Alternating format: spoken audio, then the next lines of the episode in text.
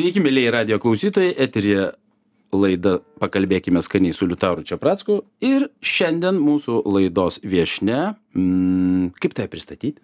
Pasakyk, kaip norėtum. Agne. Šiandien Agnė laidos viešne yra Agne, Agne Grigaliūnenė. Taip. Labas, Sveiki. Labas sveiki. visiems. Šnekėsim šiandien mes e, pagrindinai, aišku, skaniai, tai apie maistą. Ir e, kadangi bet kokiu atveju socialiniuose tinkluose e, matome, kaip tu, kaip sakant, stengiasi, darai ir tau tai patinka. Taigi, kas tau yra maistas? Dabar tai pasakai, matome, kaip stengiasi, darai, maždaug nelabai gaunasi. A, aš nesu tas žmogus, kuris turėtų teisę moralinę apskritai e, vertinti kitus žmonės. Mm, Ypatingai, kai klausimas eina apie ne tos žmonės, kurie yra mano, sakykime, profesijos žmonės, o žmonės, kurie gamina namuose Jėzau. Aš apskritai galvoju, kad e, gaminti, valgyti tai yra, tai yra džiaugsmas ir dovana kitiem. Tai apskritai tai ne apie mane, o apie tave. Kas tau yra maistas? Labai geras klausimas. Man maistas ir maisto gaminimas ir apskritai e, namų ir draugų ir bičiulių maisto kultūra yra mano meilės kalba. Visų pirma. E, visų antra, tai e, maistas yra apskritai sakralus dalykas. Aš nenoriu čia į kokius nors šventėjiškus dalykus nueiti. perėti, jeigu nori. Bet, bet e, maistas man yra sakralus dalykas dėl to, kad apskritai maistas tęsia mūsų gyvybę. E, Aš labai gerbiu mūsų šeimos ir apskritai stalą maisto, kur aš bebūčiau, ar aš būčiau svečiuose, ar aš būčiau namuose, nes e, maistas ne tik tai tęsia mūsų fizinę gyvybę, bet maistas mus suburia prie stalo, kur mes kartais, nebent būna labai labai skanu, dar galime ir pasikalbėti ir pasižiūrėti vieni kitiems į akis, tiek su savo šeima, tiek su savo draugais ir, ir pasidžiaugti, ką naujo išmokome virtuvėje, kas atsitiko dieną, savaitę, per mėnesį ir taip toliau. Tai um, kažkada vienas toks mano e, kaip čia pasakyti, labai artimas bičiulis, aš kartais jį vadinu dvasiniu mano kelio mokytoju, matydamas, kaip aš dariau mm, draugams ir jam maistą, sakė, ir pažiūrėk, kaip į tave žiūri vyrai, o ten buvo keli vyrai, kurie vienas išsiskyręs, o kitas, e, reiškia, nu, matyt, kad irgi nesiklosto santykiai su moterimis, sakė, jie žiūri į tave kaip šunys į televizorių. sakė, visiškai, ką tu darai virtuvėje, viskas yra muzika. Tai ne tai, kad aš čia norėčiau save pagirti, bet man maistas kelia didžiulį malonumą gaminti. Kažkada esu skaičius, kad berots tu esi pasakęs, kad nesąmonė yra, kad ten gaminti su meilė, be meilės, ar čia Na reikia. jau, na jau, na Aš jau. nežinau, kažkas iš Niekada proto. esu to pasakęs, esu pasakęs vieną paprastą dalyką apie Taip. virtuvę. Kai manęs klausė, žinai, ar jūs taip riekite pas save virtuvėje, aš sakau, jeigu aš taip riekčiau, aš sugadinčiau žmonėm nuotaiką. Ir jeigu aš sugadinčiau jiem nuotaiką, jie būtų nelaimingi. O iš nelaimingų rankų išeina nelaimingas maistas. Taip, taip, ai, tai tada ne. Kažkas man yra pasakęs ir man tas labai nepatiko, nes aš visiškai su tavim sutinku. Maistą reikia mylėti, su, maistą reikia daryti su meile ir man, pavyzdžiui, kartais nieko nėra gražiau, kaip žiūrėti, pavyzdžiui, kaip keičiasi svogūno ir morkos spalva keptuvėje. Man tai yra visiška meditacija. Tai kai aš pagaminu labai daug patiekalų kartais vakare, tai vyras e, atėjęs į virtuvę po darbų ar po kažko, sako, kas šiandien nutiko. Nes paprastai tai man tai yra pats tikriausias ir geriausias nusiraminimo būdas. Žinai, pas mane buvo sekantis klausimas uh, toksai. Kaip nusiramini? meditacija? Ir tu jį atsakėjai, man jo net neuždavo. Taip, taip, man visiškai taip, man maistas yra meditacija. Tai tada iš kur atėjo tas noras gaminti valgyti? Mhm. Apskritai, žinai, yra žmonės, kurie daro tai dėl to, kad taip, na, kaip žinai, kai kurios moteris, na, žinai, aš turiu gaminti valgyti, pas mane ten vaikai, ten, bet vat, iš, kur, iš kur gimė ta meilė, kada ir, ir kaip. Irgi labai geras klausimas. Tai aš čia tokių, žinok, prisirašęs ne vieną. Šauniai tu čia varai, šauniai tu čia varai. E, labai istorija šita man ir įdomi, ir, ir graži. E, Visų pirma, tai labai labai dėkoju savo mamai, kuri tarybiniais laikais nes dar teko šiek tiek tos baisybės paragauti ir viso socrealizmo tai jau tarybiniais laikais jinai gamino taip kaip jūs gaminat savo visuose tuose geruose restoranuose. Aš turiu omeny tikrai nelyginsiu neprofesionalaus reiškias na namų kaip sakyt šefo su profesionaliu restorano šefu ar maitinimo įstaigos bet jinai darė tą subtiliai nes jinai darė tikrą maistą. Mes nevalgėm vaikystėj jokio marmalo pas mus nebuvo jokių užkeptų karbonadų ananasais sūrių ten ir viso kito ką mano klasiokai valgydavo ir kartais aš taip pavydėdavau jiems vaikystėj nes man patiko. Bet jeigu jinai darydavo pavyzdžiui žvėrieną nes tėtis medžiodavo tai būdavo nuostabiai ištroškinta pavyzdžiui ten nežinau šernas kurio aš taip iki šiol negaliu paruošti taip kaip mama šalia slivutė šalia nepervirta morkytė šalia bulvytė ir truputį krapelių krapų. Ir visa tai mums įdiegė nuo pat vaikystės kažkokį tokį tikro maisto gero suvokimą. Arba ten viskas būdavo sezoniška saldumynai nu tai aišku turbūt daug kas mes vaikystėj valgėm agurkus su medumi e, tyka tada jinai namuose darydavo varškę pati traukdavo iš kaimiško kefyro tai mes ją valgydavom dar šiltą su kokiom trintom uogom į kurias nedėdavo cukraus ne neduokdie ir taip toliau. Tai e, mes turėjom labai stiprią kultūrą. Dėka tėčio kuris kolekcininkas be viso to ką jisai yra padaręs gyvenime mes turėjome visuomet kultūrą indų staltiesių nebuvo jokios sintetikos viskas buvo arba linas arba drobė arba arba kažkokios kitos medžiagos. Tai visa tai kai matai nuo vaikystės tai natūraliai tau kažkas užstringa. Aš jaunystėj buvau tokia paika ir labai labai ilgą laiką negaminau nes gi reikėjo vaikščioti po visus pasaulio restoranus. Ir ir paskui iš tikrųjų aš pradėjau gaminti tiktai trisdešimties metų. Bet įdomus dalykas yra kad kai aš pradėjau gaminti ir mano mama sakė jinai tokio jinai operos solistė tokio teatrinio būdo moteris plataus tokio būdo sakė viešpatie tai ką tu čia dabar padarysi trisdešimties metų tu gi nieko nežinai. Ir žinai kas buvo? Aš jeigu darydavau kokią nors antį aš jai paskambindavau ir sakydavau man mama tai dabar antį ištrinu ten šiek tiek su imbieru su apelsinų džemu ten dar kažką padedu padedu padedu biškį pasimarinuoti ir kepsiu tiek ir tiek ir taip toliau. Ir jinai išsižiojus klauso sako iš kur tu žinai? Tai pasirodo kad manau kad vaikas yra tokio ir vaikas ir paauglys yra tokio sugertuka toks sugertukas stiprus kad man tarsi viskas iš pasąmonės išlindo o tada kas mano didieji mokytojai tai kaip renginių organizatorė aš visada buvau susijusi su maistu ačiū die ir ir mūsų komandai kad mes dirbam su su verslu ir su klientais kuriem yra svarbu ir kultūra ir maistas ir ir geras maistas ir tikri dalykai. Ir labai daug to maisto šiaip apskritai gyvenime yra ir darbe ir namuose ir visi aplinkui gerai gamina ir va draugų turiu nemažai kurie gerai gamina. Tai yra nuolatinis mokymasis ir tokia tokia kaip sakyt namų e, šefė kaip aš tai aš kopijuoju jus visus kai kas pavyksta kai kas visiškai ne. Žinai vienas yra toks tavo pareiškimas man taip užkliuvo. Aš net kažkaip viduje taip susigūžiau. Marmalas. Tas karbonadas užkeptas su sūriu. Mhm. žinai aš asmeniškai kartais būna nutinka Kad kai man pasidarai. taip užsinori to žinai e, kai važiuoju kur nors mm, pavyzdžiui ką žinau kokiam rajone sustoji kokioj karčiamoj ir ten yra firminis antano kepsnys Taip. dažniausiai antano arba nežinau juozutės e, kepsnys tai Taip. yra karbonadas užkeptas su sūriu ten yra Mm, yra svogūnėlis ir gali ir ir gali būt. morkytė ir majoneziukas Taip. kaip sakant ir man šauna mintis dar ant kažkokios kmynų ir aš tą pasidarau ir ta prasme ir mano vaikai reiškiasi yra priversti valgyti marmalą nepriklausomai dar ir nuo to gero maisto Ai, e, tu žinai, aš kaip tau ir sakiau, aš vaikystėje kartais labai labai e, mėgdavau nueiti į svečius ir valgyti visiškai kitokį maistą, kuris buvo labiau artimesnis tokiai, nu, tokiai, tokiai bendrai maisto madai tuo metu. Ir man patikdavo, bet aš pasilinksmindavau, kaip mes vadinam iki šiol. Pavyzdžiui, mes kartais einam ir į McDonald's. E, atsiprašau, Tai- aš jame apsilankau. Ne tai, kad gyvenu, bet jeigu paklaustum, kada paskutinį kartą jį valgiau, tai greičiausiai prieš kokį dešimt dienų. Tai realiai aš, kaip sakant, visiškai...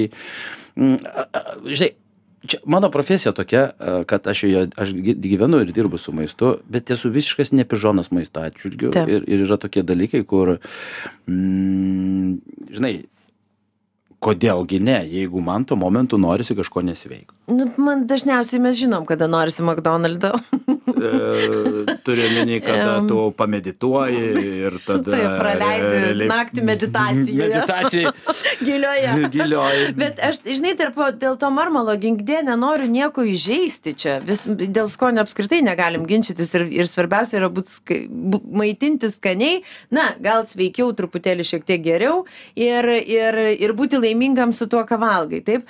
Bet, žinai, ką aš turiu omeny marmalas, man labai gerai atsakė viena kažkada irgi vai, vaikystėje, paauglystėje skaityta knyga. Jonas Mekas amžinatilsi, kai jisai kažkada grįžo, jau kai galėjo grįžti į Lietuvą, ir jis aišku atsiminė Lietuvą tokią, nu aš taip įsivaizduoju, tikrai ne tokią, kokią mes ją pažinome mūsų sovietų laikais vaikystėje. Ir tada jau Lietuvoje buvo ta laisvė. Mes su ta laisvė, aišku, ėmėm viską, ką mums siūlė pasaulis. Nuo čipsų, krekerių, ulker sausainių ir visų šitų nesąmonių, kas atsirado mūsų, e, mūsų staluose, šaldytuvose ir spintelėse virtuvės. Ir jisai sakė, nu klausykit, mėly mano žmonės. Ir, vi- ir visur dėjom papriką vienu metu, anot Jono Meko, kokiais ten, nežinau, 90-ųjų pradžioj. Ir jisai sakė, nu mėly mano, kai aš valgau viščiuką, aš noriu matyti tą viščiuką. Ko jūs apkrovėt tom nesąmonėm tą viščiuką? Duokit man grino daiktą. Tai marmalą aš turiu omeny tai, kad ne tai, kad yra blogai ar gerai ar skanu ar neskanu, bet grinumas maisto. Man patinka, kai aš suprantu, ką aš valgau. Na, žinai, a, man, pavyzdžiui, kartais e, patinka, kai aš nesuprantu, ką aš valgau, jeigu aš esu priverstas pavalgyti ir tai yra neskanu, bet aš turiu tiesiog pavalgyti. Tai, kartais, visko tai kartais geriau net negalvoti apie tai. Žinai, matau, vėlgi, mm, tas internetas visagalis, matau, tu buri žmonės ir, ir kartais tos kompanijos, ir milžiniškos kompanijos, to prasme, susirenka, nu ką reiškia milžiniškos, čia ne, ne tai kaip ten 120 žmonių prie vieno stalo, bet vis tiek, tau patinka, matau, žinai, suburtos žmonės ir sudėti gausų didelį stalą, vis tiek jis kažką simbolizuoja turbūt. Kaip ir tu sakei, meilės kalba? Mhm. Meilės kalba. Aš turiu, žinok, nežinau, šiandien vėl galvoju apie, apie kažkokią gal lygą. Nežinau. Čia prisipažinsiu visiems klausytojams. Ne, dabar mūsų stalas didelis nuo kovo mėnesio, dėl to, kad mes gyvename mm, arba globojame, arba vasarom, vasarą pragyvename kartu su mūsų ukrainiečių šeima, o ten yra e, aštuoni žmonės. Tai, a, tai tą stalą pagaminti ir suburti dar mūsų va keturi, dar mano mama, dar kažkas ir jau čia gaunasi, žinai, jau visai nebloga vakarienė. Jau balius gaunasi. Jau gaunasi balius. Tai ir dar matyt, kad neaišku, kiek mes čia taip visi kartu ir kiek tų vasarų kartu praleisime, kol baigsis visa šita Rusijos nesąmonė. Tai, a, tai čia vienas dalykas. Kitas dalykas, aš kažkaip nuo, vaiky, nuo vaikystės visur stengdavausi suburti žmonės, sutaikyti tėvus, sutaikyti draugus, sutaikyti kažką. Tada, kai pradėjau dirbti, kai įkūrėme renginių agentūrą, supratau, kad mūsų geriausias yra ir mano vaidmuo yra suburti meną ir verslą, kuriam reikia gerų kokybiškų dalykų ir, ir padėti jiems susišnekėti, nes suprantu tiek vienus, tiek kitus. Nu ir tas būrimas man kažkoks yra momentas. Per pandemiją mūsų visus uždarė, kas yra labai gerai, truputėlį pabuvom patys su savim, įvertinom, kiek mums reiškia, kiek kam reiškia sociumas, man atsirado gamta, kur aš dabar visiškai nusiraminu, tai yra kitas mano nusiraminimo būdas - miškai, jūra, viskas šaltas vanduo. Tai, a, tai, tai ten pailsėjom. Nu ir dabar per tą pandemiją aš neatšvenčiau 40-mečio, mano vyras neatšventė, tada jau galvom ir 10-mečio santokos neatvečiam, ne, ne, neatšventėm, tada galvom darysim 90-metį, reiškia sudėję 40 plus 40 plus 10 ir darysim didelį balių, tada prasidėjo karas ir dabar aš jau laukiu, kai karas pasibaigs, tai ant Kremliaus grįvėsių ir viso kito ir už Slavą į Ukrainį padarysim mes jau didelį, didelį balių. Galvojau pirmą tik artimiausiam draugam, o tada aš galvoju, aš ir ukrainiečių šeimos noriu, ir kolegų, ir dar kam noriu padėkoti, kad jie apskritai yra gyvenime, nu ir aš jau matau, kad Čia kaip... e, Vėl iš naujo viskas. Ne per seniausiai gavome kvietimą į gimtadienį, kuriame lankėmės, jame buvo parašyta, kad e, bus tik keletas artimų žmonių. Mm, Kai nuvažiavome į gimtadienį, buvo 120 žmonių, taip sakant. Ir aš žinai, aš džiaugiuosi, kai turi 120 artimų žmonių. Um, vėlgi, grįžtant prie, žinai, tos temos, man taip pat patinka didelis stalas. Aš e, vėlgi labai džiaugiuosi, kad mano šeima pakankamai gausi ir galima per šventes dabar, žinai, dėti, nes turbūt tai vienas iš tų pačių maloniausių Taip, momentų, žinai, bet, taip. bet grįžkim prie, mm, reiškia, pas mane vienas iš klausimų, kaip tik ir buvo. Klausimų. Apie, mm, vienas iš mano klausimų. Jo, šitas yra klausimas, moteris, oda. Yra trys dalykai. Visą kitą kirčio kaip nori. Gerai. Mm. Aš apie odą šiandien nešnekėsiu. Mm, Moteris. Moteris vadinsiu ciociam tada, o realiai, išvengti rūpešių. Tai klausimas. Klausimas. Klausimas. Tai, žinai, ir tas vienas iš tų klausimų ir buvo a, apie ukrainiečius, nes matau, kad tu pakankamai aktyviai dalyvauji tame visame e, sociume, ta prasme, socialiai reiškėsi, vėlgi turiu tokį klausimą ir apie politiką, nes tu taip pakankamai aktyviai reaguoji ir į tas aktualijas ir Lietuvoje, ir pasaulyje, viešai reiškėsi ir socialiniuose tinkluose. Kodėl ir kam tau tai? Na, kalbant apie ukrainiečius, tai nieko šiandien nustebinsiu pasakydama, kad ir kaip ir visus kitus. Ir, ir mane šitas karas baisiai sukrėtė. Labai sukrėtė. Aš, man apskritai smurtas yra nesuvokiama, kaip, kaip tas gali būti. Tada mane labai graž, gražino į tos laikus, kai aš e, šiek tiek gyvenau Maskvoje. Rusijoje ir turbūt man atsakė galutinai klausimą, kodėl aš ten su, nesugebėjau gyventi. Ir kaip tik tuo metu, šiaip jau, kai, kai aš būdavau ten dažniau, tai e, Putinas ateidinėjo į valdžią. Ir jau tada aš atsimenu prie stalo mane patildydavo, e, reiškia, tuometinis mano vyras, e, sakydama, kad, sakydamas, kad tu nekritikuok to žmogaus, nes čia visi yra visai kitos nuotaikos, kam čia kelti konfliktą ir kad čia toks jo nuomonės ir, ir, ir žodžiu, ir kad toks žmogus maždaug reikalingas Rusijai. Tai intuityviai jau tada žinau, kad kažkas yra labai labai ne taip ir kad kažkas yra jau ne, visiškai ne tai, kame mes jau augom ir jau spėjom tuo metu net būti patyrę pasaulio laisvės, žodžio laisvės, pagarbos moterims, kitiems, kitokiems ir taip toliau ir taip toliau. Tai kitas dalykas, aišku, kad buvo baisi baime, kaip ir visiems irgi mums. Ir, ir tada mane sukrėtė mūsų šeimos pokalbiai, kuomet mes realiai pasakėme su vyru savo ir su tėvais, apsitarėme, kad karo atveju mes iš čia neišvažiuosime. Ir kad jeigu, bet jeigu bus įmanoma, tai išsiųsime tikrai savo vaikus, nes turime kur. Ar tai yra Amerika, ar tai yra kažkur, jeigu iš vis galima būtų kažką išsiųsti tuo metu. Nes e, čia tik mano subjektyvi nuomonė, aš nepalikčiau vaikų, nes jie yra per jauni pasirinkimui, pasakyti, pasakymui, ar jie gali išvažiuoti ar ne. Ir, ir ar jie gali pasirinkti tą baisybę ar ne ateinančią. Tai e, tada aš įstojau į šaulius, Čia pas mane kaip tik dar vienas. Dar vienas klausimų. taip. Tai e, šauliai, tai, jo, tai pabaigsim dabar apie tą politinį momentą. Tai nežinau, gal nuobodžiai čia vėl skambės tas mano atsakymas. Nu, aš tokioje šeimoje augau. Man nuo, nuo 16 ir 17 metų man buvo pastatytos Bostono enciklopedijos ant stalo ir pasakytos, kad turi ne tik vartyti, bet ir žinot, kas ten parašyta. Ir tarp kitko, kas vienas iš ryškiausių momentų, ką aš atsimenu vartant, tai, tai buvo mūsų partizanai ir jų nuotraukos. Mm, Ir tie partizanai visi atrodo su tais ap- apvaliais sakinukais kaip Harry Potteriai, visi 16, 18, 20 metų ir jie priešinosi ir sėdėjo, reiškia, tuose miškuose ir gelbėjo mūsų Lietuvą ir laisvę mūsų. Tai mes šeimoje mm, kalbėdavom nuolatos apie visus tos dalykus. E, Aš manau, kad jeigu tu bent šiek tiek esi žinomesnis ir vat turiu įrankį socialinę mediją, kur turiu šiek tiek auditorijos, tai man atrodo, kad jeigu tu jauti, tai tu privalai ištransliuoti, kaip ir privalo ištransliuoti menininkai, kaip privalo ištransliuoti mokslininkai, tas pats verslas, geri žmonės ir visa kita ir nelikti abejingais, nes abejingumas ir, ir miegojimas tokio letargo miego, kuris, pavyzdžiui, kurio miega Rusija, tai privedė, matom, prie ko. Tai man tai yra svarbu ir ir o apie politines temas tai nu man tokios kelios artimiausios apie kurias nuolat apie viską gi nešnekėsi visuomet.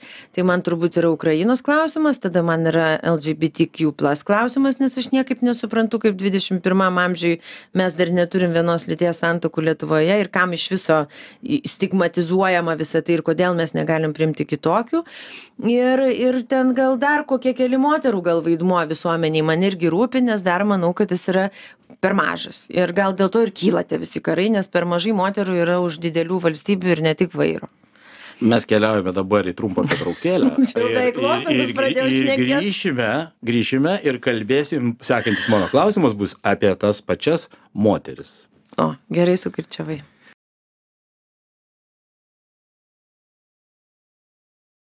Grįžtame po pertraukėlės į eteris. Laida Pakalbėkime skaniai su Liutauru Čiapracku. Šiandien pas mane svečiuose mūsų laidos viešne, renginių organizatorė šiai dienai ir moteris, moteris kuri mėgsta, kuri mėgsta pasakyti savo nuomonę, Agne Grigaliūrinė. Ir va čia klausimas tada būtų sekantis. Žinai, tu ką tik paminėjai tokį dalyką apie moteris ir apie jų, sakykime, galbūt iki galo dar, mm, kaip sakyti, neįvertintą vaidmenį. Ar tu manai, kad moteris Lietuvoje kažkas diskriminuoja?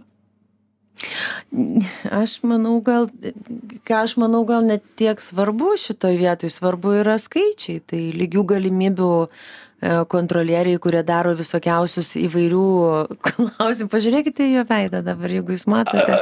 Jeigu nematote, Premjerė moteris. Jo, čia labai mo moteris. Moteris. Jo, taip. A, Seimo pirmininkė. Atsiprašau, Mhm. ministrės. A, pavyzdžiui, mano restoranam vadovauja moteris. Aš Mhm. apskritai, ir vat, a, kai kalbėjau su Odeta Bložienė, aš uždaviau į klausimą, jinai pasakė, aš nematau jokios diskriminacijos, viskas priklauso nuo gebėjimų.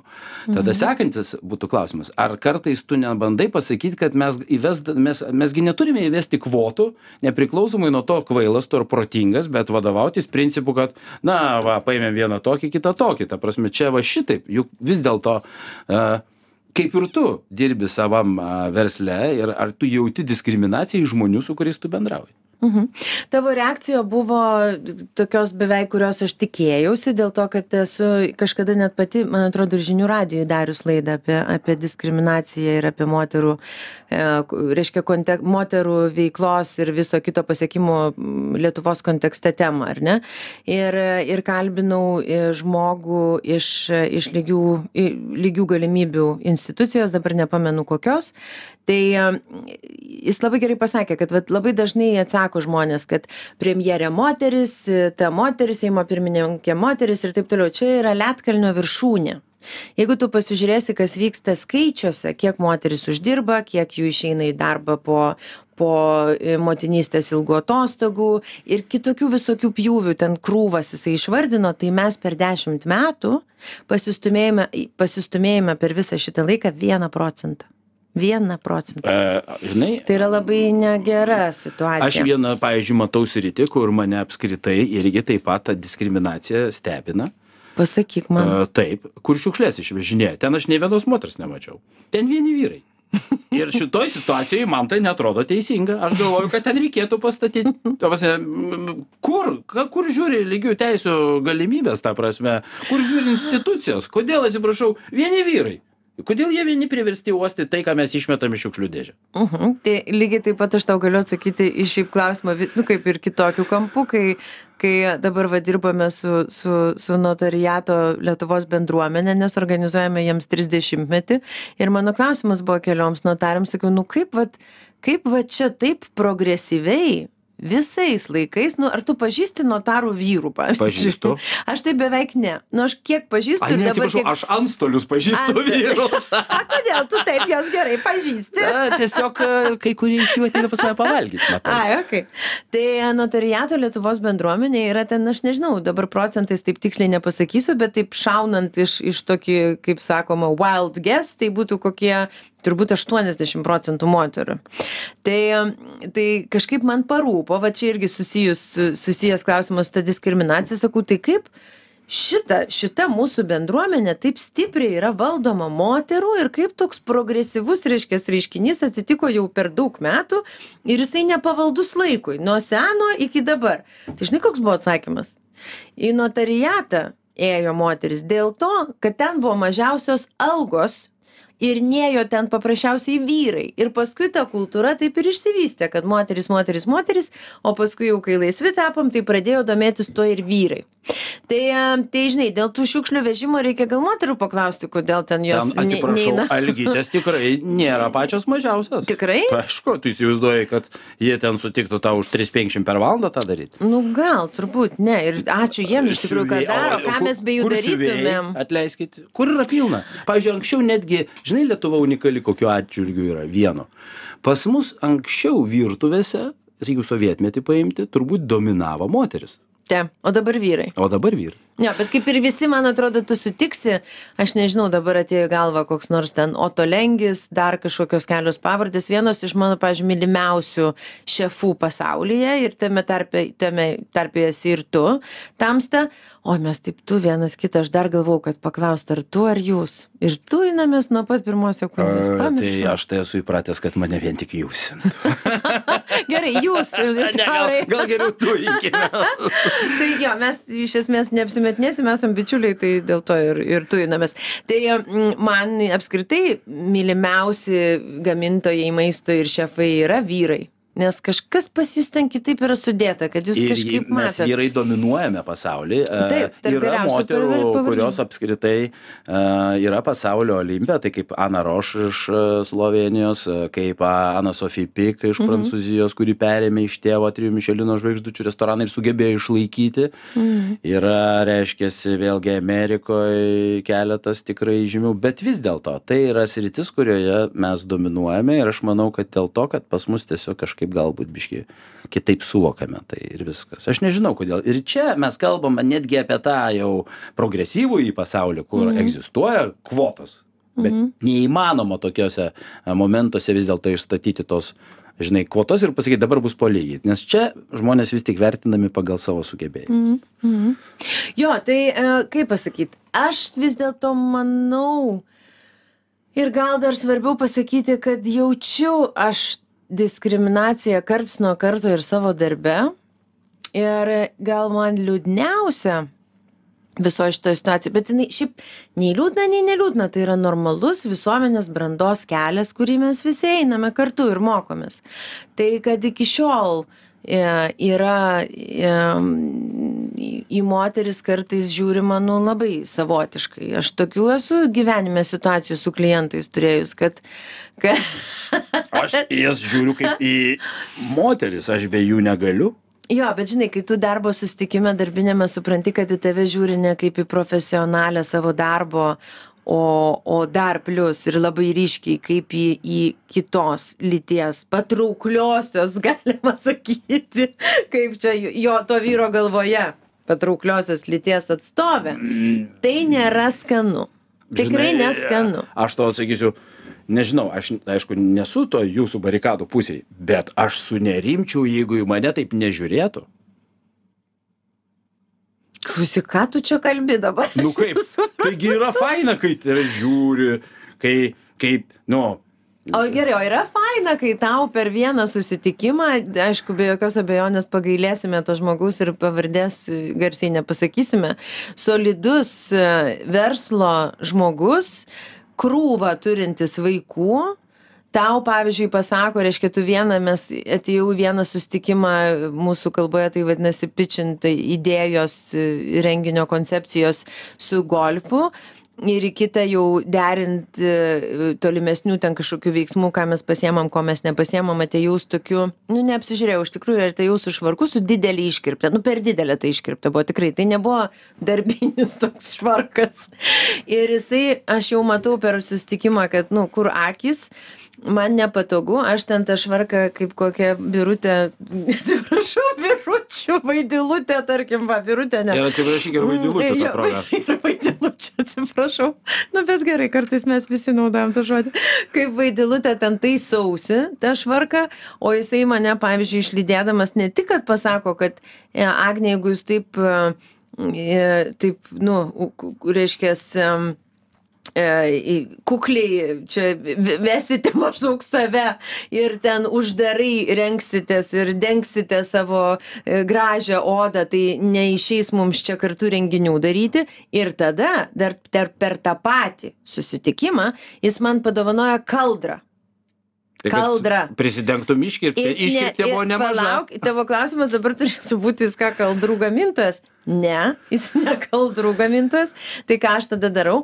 Aš, nu, šokiai. Man buvo toks šokas. Toj kaldroj kažkokia. Aš žinau, o tu nerandi, ką jis mane čia sušildyt nori, prasme, žiūrėk, jeigu jis tau užklot, jisai- pakelį padovanotų, va čia būtų potekstė. Nu, va, supranti, o man, o man, žinau, kaldra gal net dar blogiau, nežinau.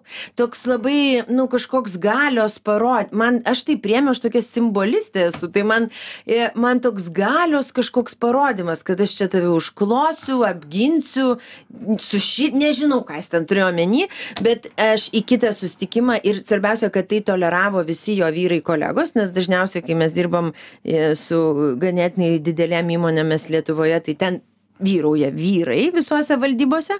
Tai, e, tai e, aš, žodžiu, ir jie priėmė visą tą juokėsi iš to jo žesto ir aš tada kitą, kitą sustikimą atnešiau dovaną jam. Ir atnešiau dovaną. Ženšenio šaknį. Ne, aš jam atnešiau šalikėlį gražų, prabangų, prabangios įmonės. Zara. E, mm, mm.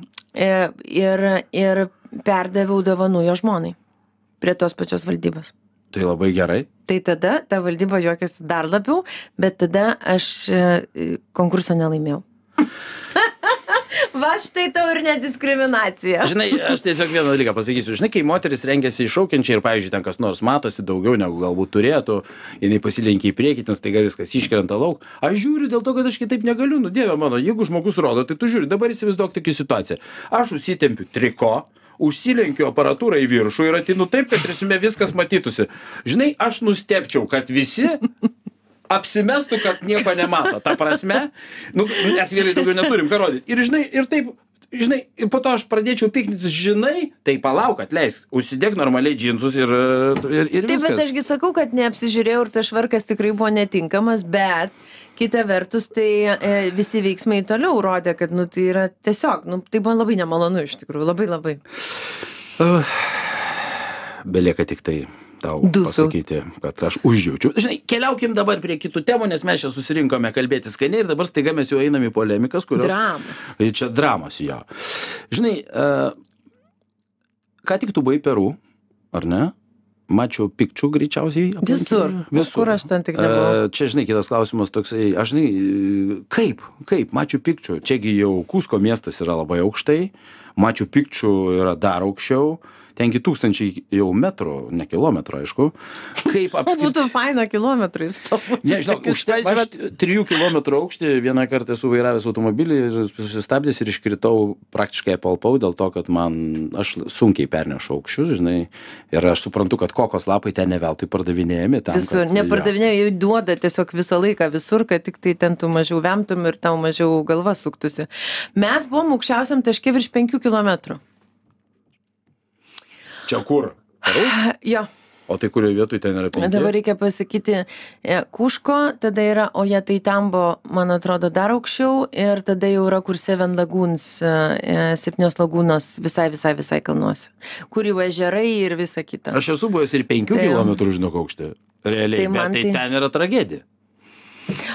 Žinai, aš galiu pasakyti, kai aš pasakiau savo tevam, kad aš ten važiuoju, sakė, nu kur tu bastaisi, nu ar tu gali nurimt, du vaikai, keturiasdešimt virš ir jinai vis tiek negali nurimt. Tai aš ten jau kažkaip paprašiau jų kantrybės ir sakiau, kad man būtinai reikia ir aš noriu ir visa kita. Tai su tėčiu turiu sutikti, mes lygumų žmonės.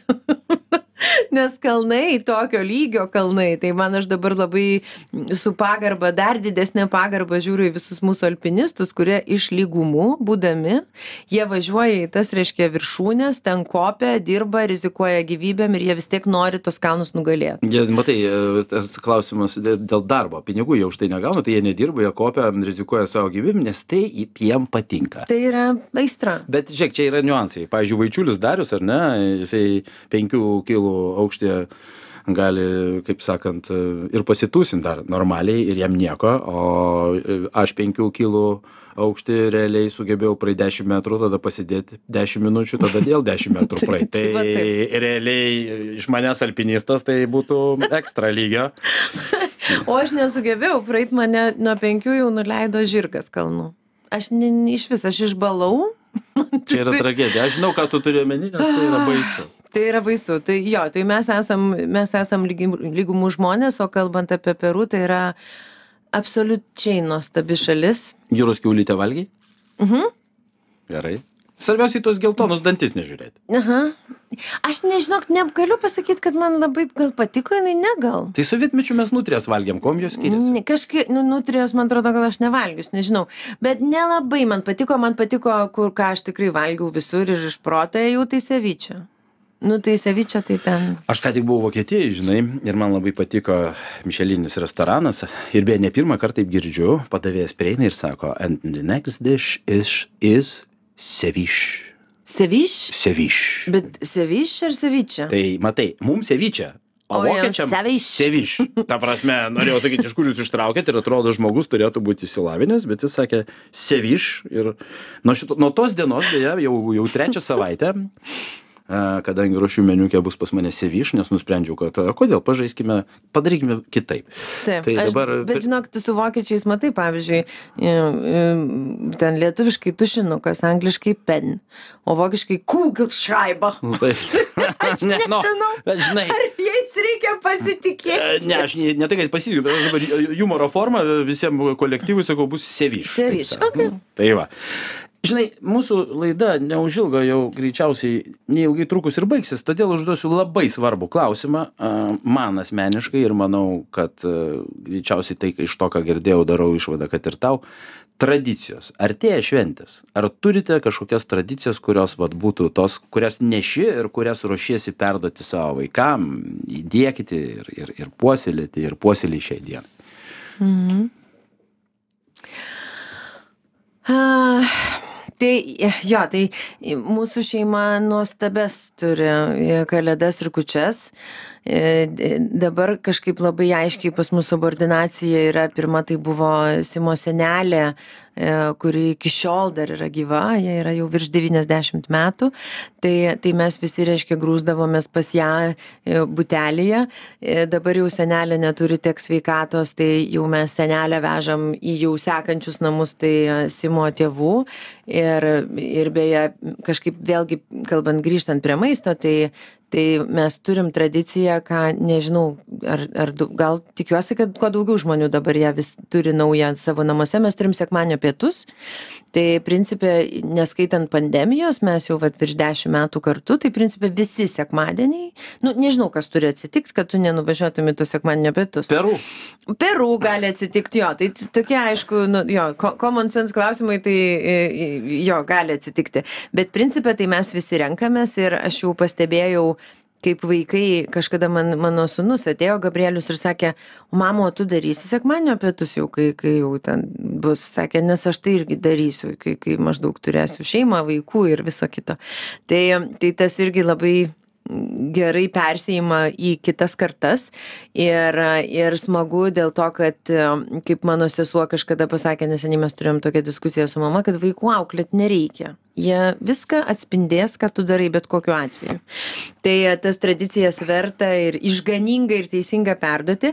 Mes turim tradiciją tą, kaip aš vadinu, čigonų bastymosi vieno pas kitus, pas tėvus, pas visur, visur toks taboras važiuoja, visi šūkauja, valgo, antis veža, savo patiekalais dalinasi ir taip toliau, ir taip toliau, ir taip toliau. Tai čia yra tokia šeimininė tradicija. Tada mūsų namuose su Simonu tradicija yra, kurią aš pradėjau būdama 22 ar 3, toj bus 20 metų. Tai mes darom e, kalėdas namuose. Ir e, kur, kur, kur reiškia, darom būtent 25 dieną, kur susirenka, kaip mano mama sako, visi miesto bepročiai. Beje, šiais metais norėčiau pakviesti ir jūs, Liutaurai, su Laura, jeigu tik būsite Vilniuje ir turėsite laiko. Čia pirma diena, bet nuo 9 val. vakaro. Ir tada, aišku, turime daug gražaus laiko iki ryto. Dažniausiai. tai tai tą tradiciją mes darome jau va tuoj bus dvidešimt metų ir žinai kartais aš kviečiu irgi daug žmonių daug labai įdomių iš įvairių sričių ir būna labai įdomu ir meno ir verslo ir ir bičiuliai ir šefai ir mokyklos draugai ir viskas viskas telpa po tuo mūsų kalėdų stogu tai tai e, kartais užsiknisi iš tikrųjų dėl to kad kartais prikvieti žmonių dalis neateina nes vis tiek galvoji ten vis tiek bus daug žmonių žinai o tu čia stengies stengies ir taip toliau. Ir kai tu aš kažkada pavargau mano viena bičiulė pasakė agne tradicijas kuria stiprieji. Ir aš su šitu visiškai sutinku nes išlaikyti tai kainuoja ir meilės ir laiko ir noro ir namų tvarkos ir maisto gaminimo ir ko tiktai nori bet tai yra nuostabu ir dar vėluojantys svečiai ypač kada tu jau žinai kad kepsnys tuoj keliaus ant Taip. stalo bet matai kalėdų mūsų atveju visi ateina nuo kalėdų Taip. stalų ten Taip. maisto gal Taip. ne ne pirmoj jau vietoj maistas pirmoj vietoj kiti dalykai gal nekalbėsime čia garsiai per eterį E, Meditacija. meditacija taip ir ir trečias dalykas ką mes darome mūsų šeima ir ypatingai šiais metais tikrai darysime nes turime krūvą ukrainiečių vaikų mūsų kuriais rūpinamės. Tai vaikų kalėdos. Tai mm, turėjome nuostabų e, kalėdų senį mano vaikai kito nematė visą gyvenimą.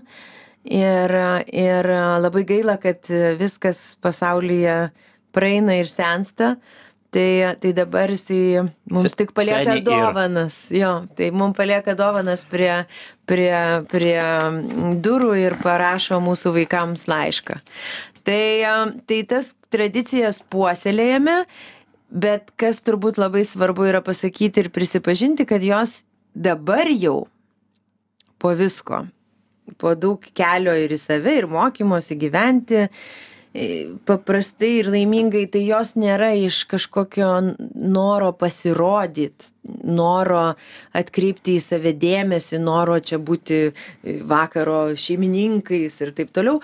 Jos yra iš gausos nes mes turime namuose gražų santykį mes turime puikius draugus su kuriais puoselėjam draugystę dešimtmečiais mes mokame gaminti valgyt mes mokame dainuoti ir vaišinti ir tai yra faina tuo dalintis su savo artimais ta gražia naita aš ir norėčiau pabaigti nes mūsų laikas jau baigėsi. Labai gaila, labai greitai. bet labai gražiai pasakei pati pabaiga fantastiška. Aš manau daugelis žmonių susimąstys nes vis tiek e, artėja pats gražiausias metų laikas ir ir tai yra labai malonu.